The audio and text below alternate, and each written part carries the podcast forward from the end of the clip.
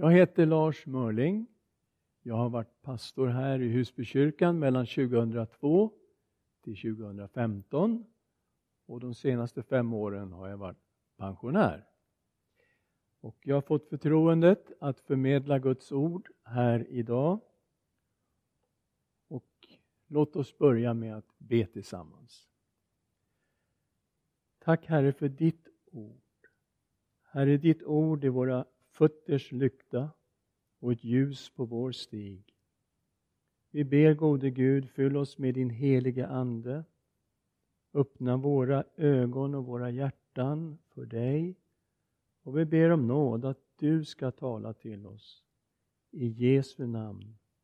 Amen. Ja, som ni ser på bilden här så har jag tänkt att tala om Abraham. Det är ett jättestort ämne i Bibeln. Dels så finns han ju väldigt mycket i Första Mosebok, men han finns också på många ställen i Bibeln. Och jag hinner naturligtvis inte täcka allt, utan vi kommer att göra lite nedslag så här i Abrahams liv.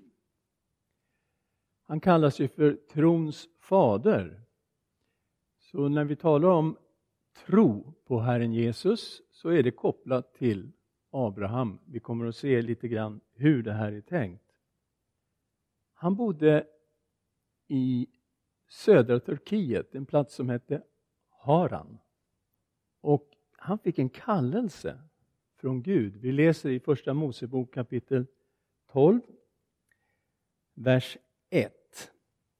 Herren sa till Abraham, gå ut från ditt land och din släkt och din fars hus och bege dig till det land som jag ska visa dig. Där ska jag göra dig till ett stort folk. Jag ska välsigna dig och göra ditt namn stort och du ska bli en välsignelse. Jag ska välsigna dem som välsignar dig och förbanna den som förbannar dig. I dig ska jordens alla släkten bli välsignade. Alltså det här är ju sanslöst stora löften som Gud gav till Abraham. Han var gift med en som hette Sarai. Det var hans halvsyster faktiskt. Och de var ganska gamla vid det här tillfället. Abraham står det, han var 75 år gammal. Och de hade inga barn. Gud lovade Abraham att han skulle bli ett stort folk. Han skulle bli jätteberömd, jag ska göra ditt namn stort. Och det är klart man tänker, jaha, har Gud hållit det här löftet nu? Man frågar någonstans i Afrika, har ni talat om Abraham? Ja, honom känner vi till. Ja, vi tar Nordamerika, Sydamerika. Har ni talat om någon som heter Abraham? Ja, men Abraham. Ja, men absolut, vi har talat om Abraham. Man frågar hela islamvärlden, har ni hört talas om Abraham eller Ibrahim? Ja, alla vet vem den här Ibrahim är. Och Gud sa, jag ska göra ditt namn stort. Och Gud lovade honom ett land. Gud lovade honom välsignelse. Men det sista löftet är det märkligaste. Gud lovade Abraham att i dig ska jordens alla släkten bli välsignade. Och det gäller ju då svenskar och iranier, afghaner, alla släkten i hela världen skulle bli välsignade genom Abraham. Han hette Abraham på den tiden och han hade inga barn. De befinner sig någonstans i södra delen av dagens Israel. Och den här bilden är tagen där nerifrån, närheten av Beersheba. Inte så långt från Hebron. De flyttade sen faktiskt till Hebron. Och där bosatte sig Abraham och hans folk så att säga. Det var ju inga barn där, men de hade ju jättestora fårjordar. De hade kameler och åsnor, getter, massor med, med djur. Så det var många herdar och tjänare som jobbade kring Abraham. Och han var lite som en beduin kan man tänka sig. De flyttade så att säga från plats till plats och bodde i tält med sina stora fårjordar. Lite grann som vi ser beduinerna idag när vi åker till Israel. Och vi har ju bott i Egypten i 13 år och har mött beduiner där, så de finns i de här områdena. Och de kommer till Hebron och bosätter sig på en plats som kallas för Mamres terebintlund. Det var lite skugga där förstås, det fanns ju träd. Och där bodde han. Man vet inte exakt var i Hebron han bodde. Men man tänker sig att han bodde på någon av de här kullarna alldeles utanför Hebron, där Hebron ligger idag. Och det finns en plats där, där det finns en källa med vatten året runt. Så det är en väldigt idealisk plats. Och idag så är det en olivodling på den platsen. När hans fru Sarai dog, då köpte Abraham en grotta i Hebron. Makpelas grotta. Och den har man sedan byggt ett jättestort mausoleum över. Och det är inte bara Sara som är begravd där, utan där är också Abraham begravd.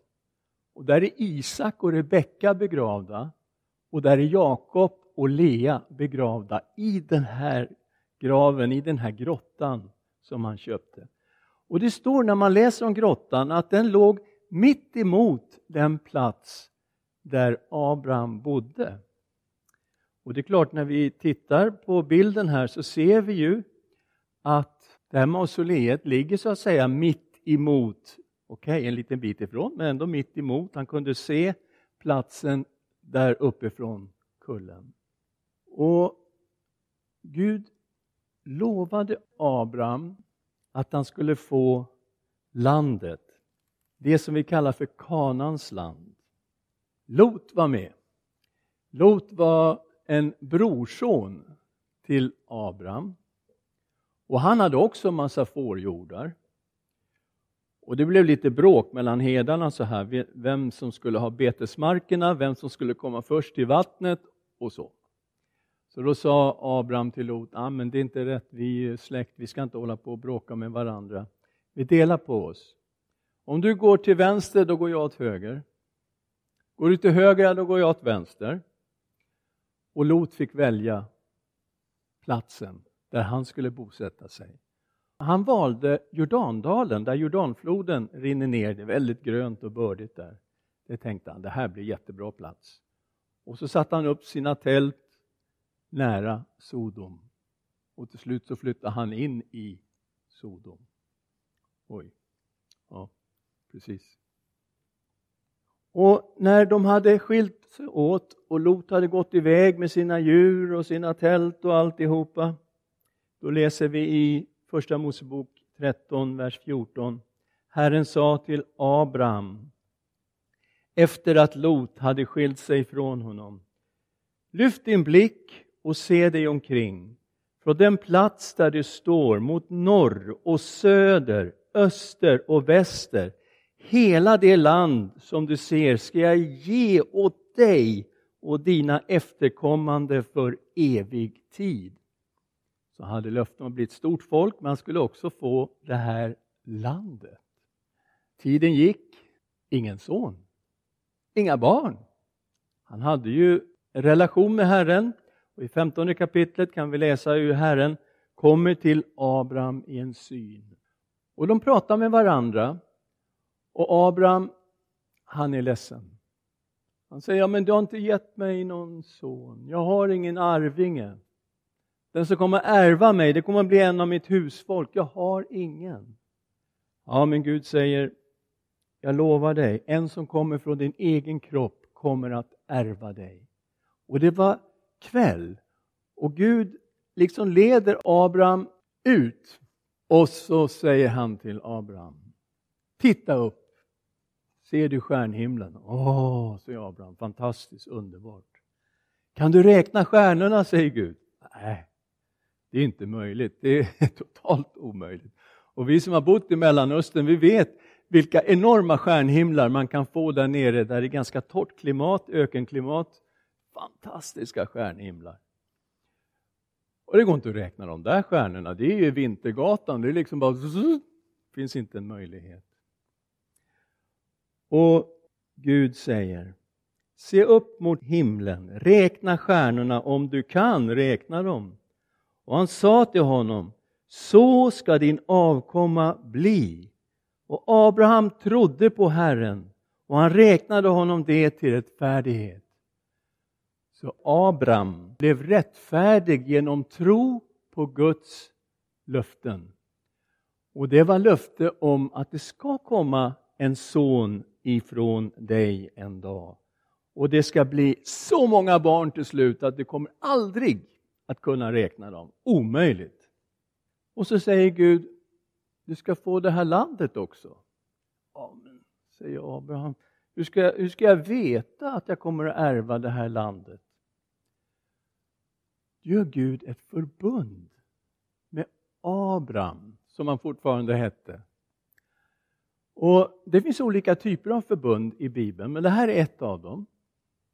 Gud sa till Abraham att han skulle ta en treårig kviga, treårig get, treårig bagge, en turturduva och en ungduva. skulle han dela djuren mitt i tu och lägga ett djur här och så mitt emot så det blev som en liten gata så här. Med en djurhalva här och en djurhalva där. Och när man ingick det här förbundet då skulle de två personerna som gjorde förbundet, de skulle gå mitt emellan djurkropparna.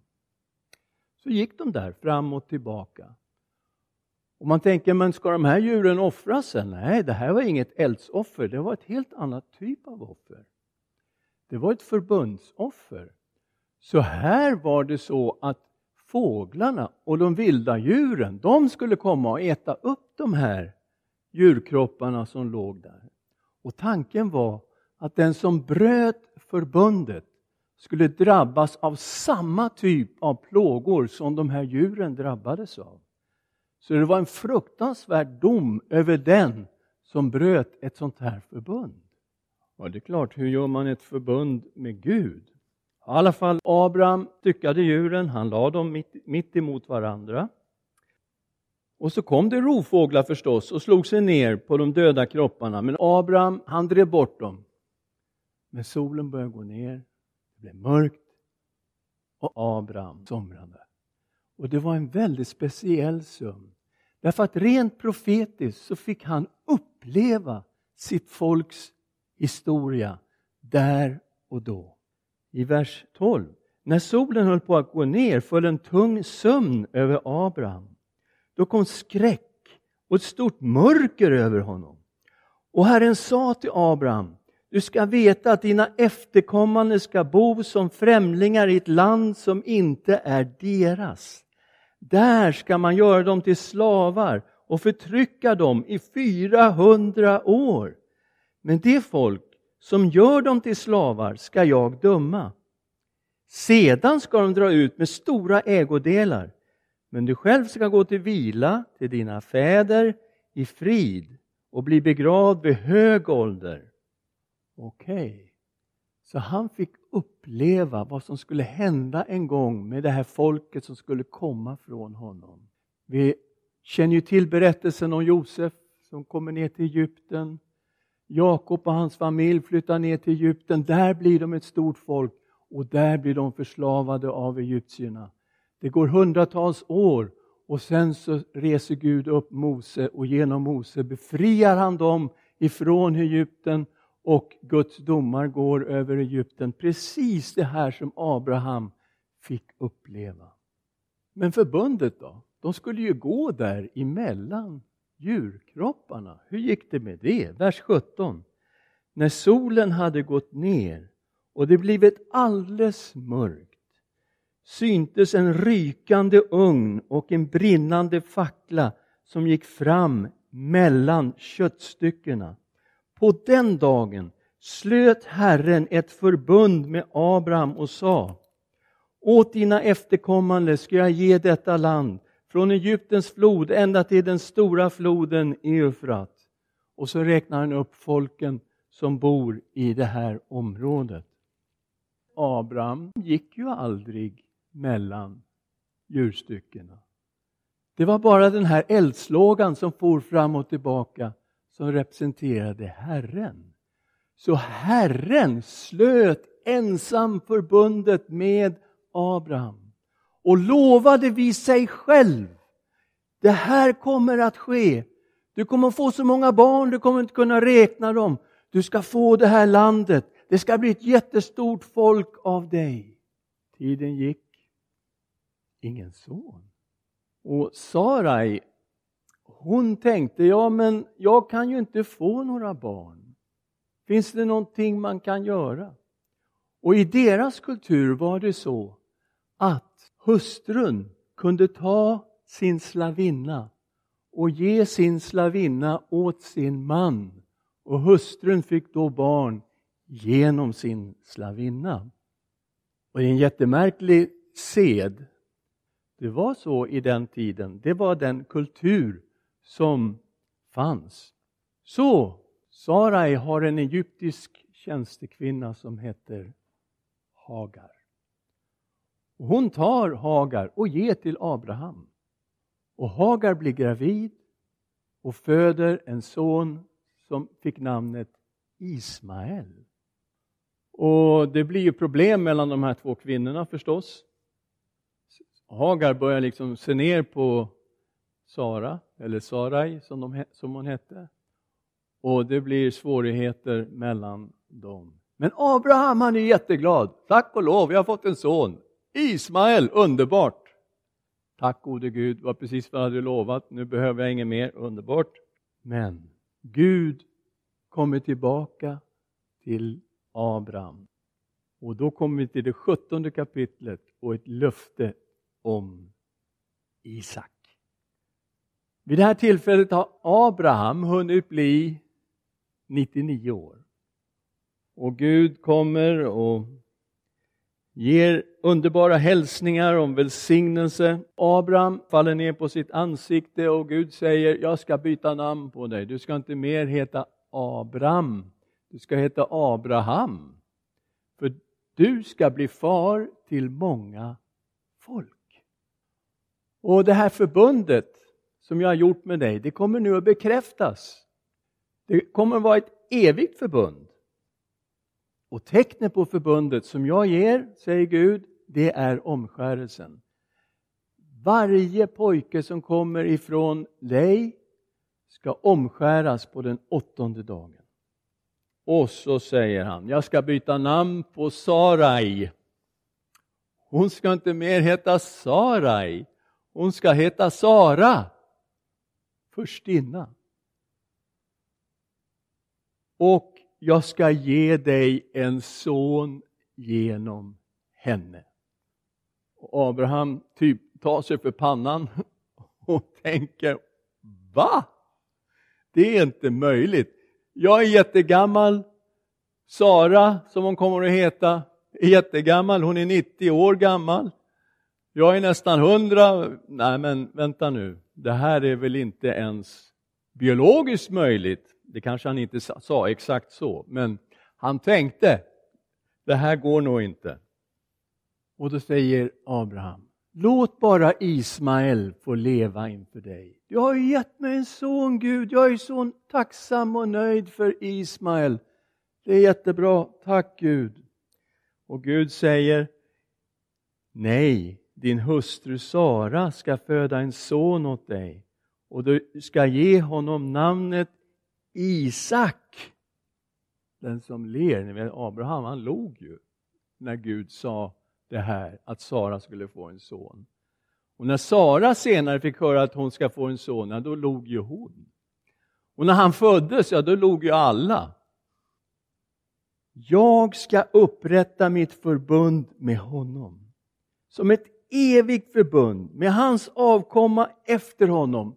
Ja, men Ismael då? Han är ju den förstfödde. Men när det gäller Ismael har jag hört din bön. Jag ska välsigna honom, göra honom fruktsam och föröka honom mycket. Han ska bli far till tolv hövdingar och jag ska göra honom till ett stort folk. Men mitt förbund ska jag upprätta med Isak, honom som Sara ska föda åt dig vid denna tid nästa år. Nästan direkt efter det så kommer Herren på besök. De är i Hebron. Och det är varmt, det är mitt på dagen, det kommer tre män och hälsar på. Och Abraham han gör ju som österlänningar gör, han hälsar dem här, han säger ta, sätt er ner här i skuggan av det här trädet, här kan ni vila lite grann, jag ska hämta vatten. Och så säger han åt Sara, gör lite deg, nu ska vi ha jättefina nybakat bröd ska vi ha. Han springer iväg till jorden, väljer ut en spädkalv, säger till en av tjänarna, laga till den här, nu ska vi ha en måltid för vi har fått tre stycken gäster. Och de här männen är lite speciella. En av dem säger, var är Sara någonstans? Var är din hustru? Ja, men hon är där inne i tältet. Jaha, säger en av dem då. Att när jag kommer tillbaks nästa år vid den här tiden, då kommer Sara ha en son. Sara hör det här bakom tältduken och hon tänker, vad är det här? Det är ju omöjligt. Är det sant? Och då säger han, eh, varför log Sara? Skulle någonting vara för underbart, skulle inte Gud kunna göra det som är omöjligt? Och då säger Sara, men eh, jag, jag log inte. Jo, säger han, du log. Och han såg henne rakt igenom tältduken. I alla fall, de har ätit tillsammans. Två av de här männen går vidare. Det visar sig att de är änglar. De är på väg ner till Sodom för att se hur situationen är i Sodom, där Lot bor.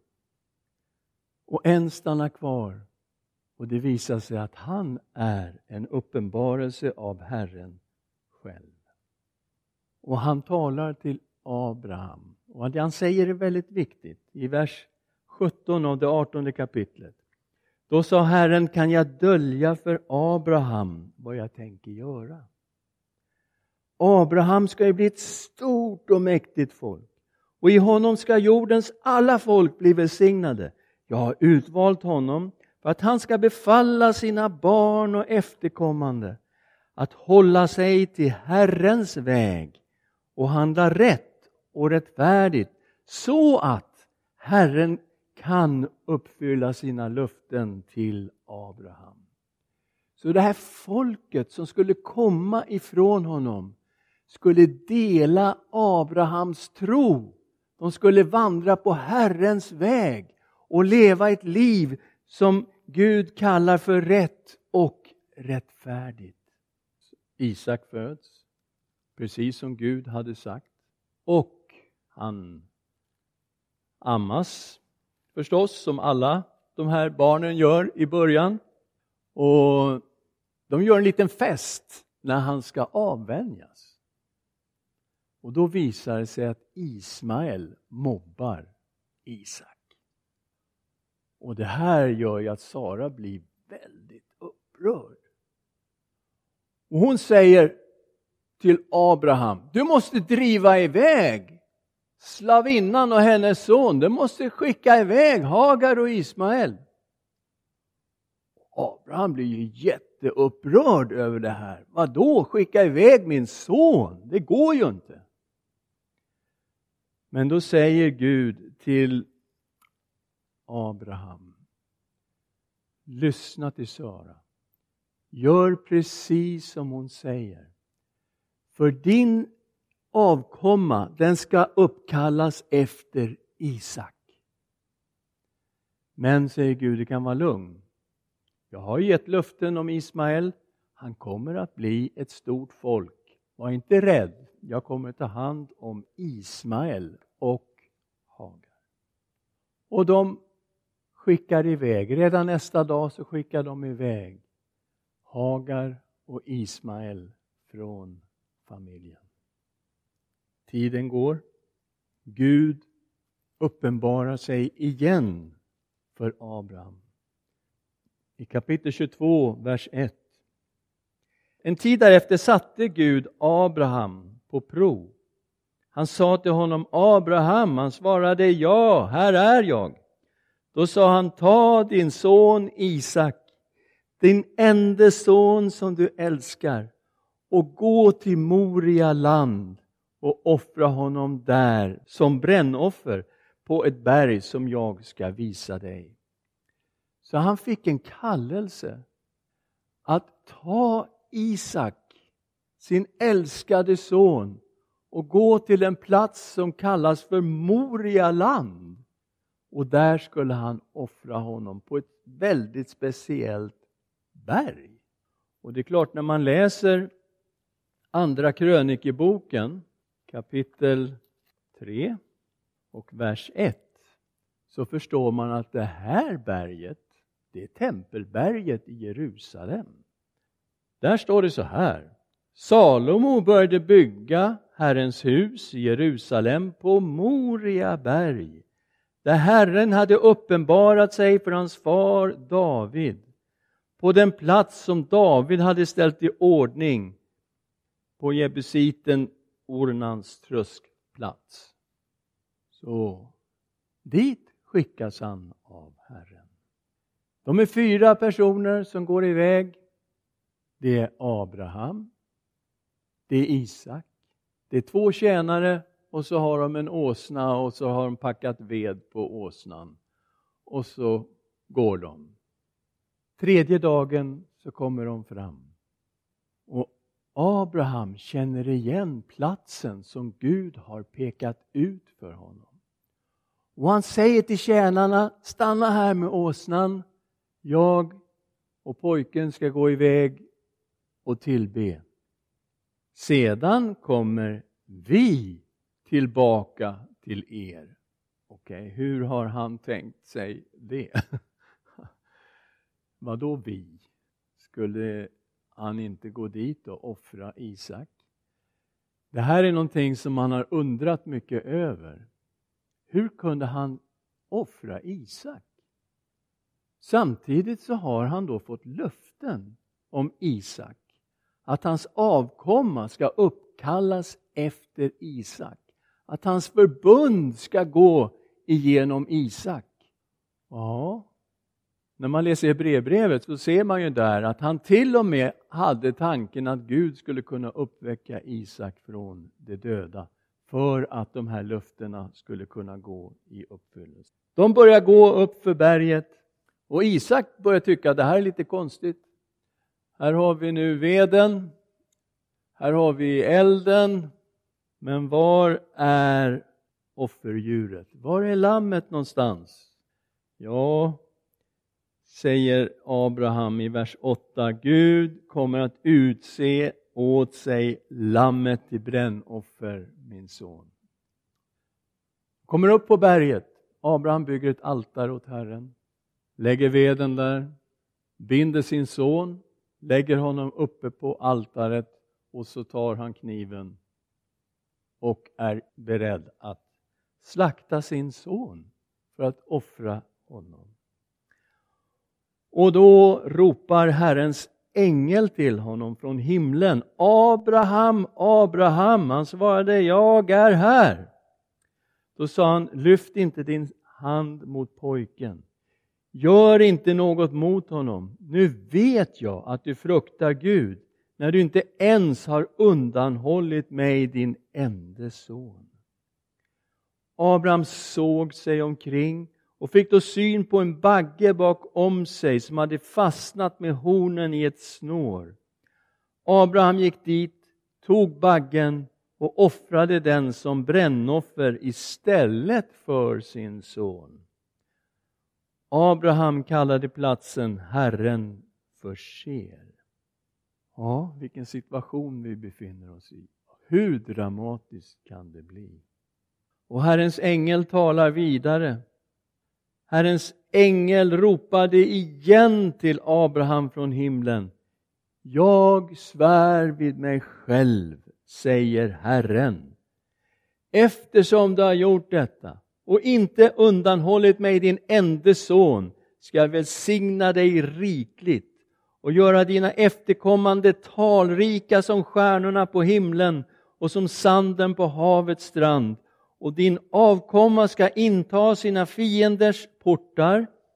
I din avkomma ska jordens alla folk bli välsignade därför att de lyssnade till min röst. Okej, okay, det är i din avkomma, det ska komma någon ifrån dig, Abraham. Och genom den här personen ska Gud välsigna hela världen. Alla folk, alla släkten. Nu börjar vi ana att vi kommer ändå till det här som har med oss att göra och att Abraham skulle kunna vara trons fader för alla som tror. Löftena som Gud gav till Abraham, de här fantastiska löftena, de upprepade sen Gud för Isak. Och så upprepade han dem också för Jakob. Och Gud bytte namn på Jakob, fick namnet Israel. Och från honom kommer då Israels tolv stammar. Och Jakob han gav en profetia om varje stam, första Mosebok 49. Han gav en väldigt speciell profetia om Judas stam, härskarstaven som inte ska vika ifrån Juda och folken ska bli honom lydiga. Från Judas stam kommer en väldigt viktig person, David. Och Gud gör ett förbund med David. Och den första märkliga profetian som kommer till David, det är den som Natan bär fram när David vill bygga ett tempel åt Herren och Gud säger jag ska bygga ett hus åt dig. Och han får reda på att en son ska komma ifrån honom som ska vara Guds son. Gud säger jag ska vara hans fader, han ska vara min son. Han ska regera på en evig tron. Och sen kommer det mängder med profetier i Gamla Testamentet om Davids son, Messias. Och så kommer Jesus. Nu ser vi linjen här. Abraham, Isak, Jakob, Juda, David, Jesus. Och både i Matteus evangeliet och Lukas evangeliet har vi denna inledning med Jesus släkttavla. Han kommer från den här linjen. Han har en kort släkttavla också, den som har med Gud att göra. Det är liksom Gud, Jesus, jättekort, men har en lång som går genom hela den här långa linjen också. Hur kopplar vi det här till oss som sitter här och sitter hemma i dessa coronatider? Ja, för det, det kopplas ju till oss, det förstår ni. Vi får gå till Galaterbrevets tredje kapitel. I sextonde versen så säger Paulus någonting väldigt viktigt. Nu gavs löftena till Abraham och hans avkomma. Det står inte och dina avkomlingar, så när det gäller många, utan så när det gäller en enda och din avkomma som är Kristus. Okej, okay, vi lyssnade till löftet i din avkomma ska jordens alla folk bli välsignade. Då kan man ju byta ut din avkomma mot Kristus. Man kan lika gärna läsa så här då, enligt Paulus. I Kristus ska alla jordens folk bli välsignade. Ja, det är bra att bli välsignad, men eh, har vi del i de här löftena som Gud gav till Abraham? Jag menar, jag är ju inte på något sätt ättling till Abraham. Det går inte att tänka sig så. Hur skulle jag kunna vara Abrahams barn? Mm. Här kommer det här med tron in.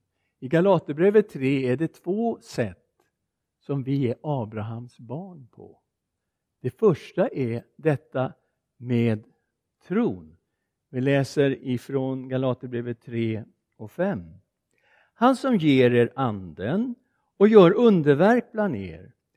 Är det för era laggärningar eller för att ni lyssnar i tro som Abraham? Han trodde Gud och det räknades honom till rättfärdighet. Därför ska ni veta att det som har tron, det är Abrahams barn. Wow! Skriften förutsåg att Gud skulle förklara hedningarna rättfärdiga av tro och gav i förväg detta glädjebud till Abraham. I dig ska alla folk bli välsignade. Alltså blir de som tror välsignade tillsammans med Abraham som trodde.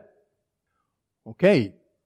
Abraham, han tittade framåt mot den som skulle komma efter honom. Den här avkomlingen.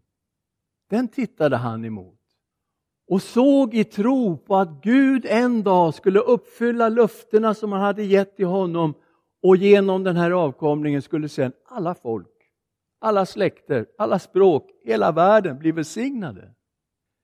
Man tänker om en eh, eh, tittade Abraham på Kristus? Jag menar, inte det lite väl stretched? Ja, vad sa Jesus i Johannes 8.56? Abraham, er far, jublade över att få se min dag. Han såg den och gladde sig. Oj. Han såg inte bara fram emot den som skulle komma efter honom. Han såg fram emot det med glädje, jublade över detta. Han såg min dag och gladde sig. Det här väcker förstås lite frågor vem Jesus är och det tyckte judarna också var lite konstigt. För de sa ju, du är inte 40 år gammal och du har sett Abraham. Ja, säger Jesus, det är mycket värre än så. Innan Abraham blev till är jag. De tog upp stenar för att stena honom. Så visst, Abraham tittade i tro fram emot Kristus. Vi tittar i tro bakåt mot Kristus. Så vi ser på samma sak. Han tittar på löftet som en gång skulle uppfyllas i Kristus. Vi tittar på Kristus och löftet är uppfyllt i Kristus. Vi har samma tro som Abraham på samma löfte. Ett löfte som är uppfyllt i Jesus Kristus. Och på det här sättet är vi Abrahams andliga barn. Det andra sättet som vi är Abrahams barn på kommer fram här i den 29 versen. Därför att Kristus är ju Abrahams avkomling. Och alla som är förenade med Kristus är ju i Abrahams avkomling förenade med honom. Titta hur han säger i vers 29. Och om ni tillhör Kristus är ni avkomlingar till Abraham, arvingar efter löftet. Så alla som tillhör Kristus är ju tillsammans med Kristus han som är Abrahams avkomling och är då Abrahams barn. Arvingar till löftet. Vilket löfte? Jo, men det är det här löftet. I dig ska alla släkter på jorden bli välsignade. Helt fantastiskt. Och Gud sa till Abraham, du kommer få så många barn. Det finns ingen chans att du kan räkna dem. De ska bli som stjärnorna på himlen. De ska bli som sanden på havets strand. Otaliga, du kommer aldrig kunna räkna dem. Och så gäller det alla folk. Alla som tror på Jesus Kristus. Och nu börjar vi förstå varför Abraham är en sån central person. Hela Bibeln strömmar faktiskt utifrån de första tre verserna i Första Mosebok 12. Där finns löftet om folket. Löfte om landet. Det här är ju hela Gamla Testamentet handlar ju om folket och landet.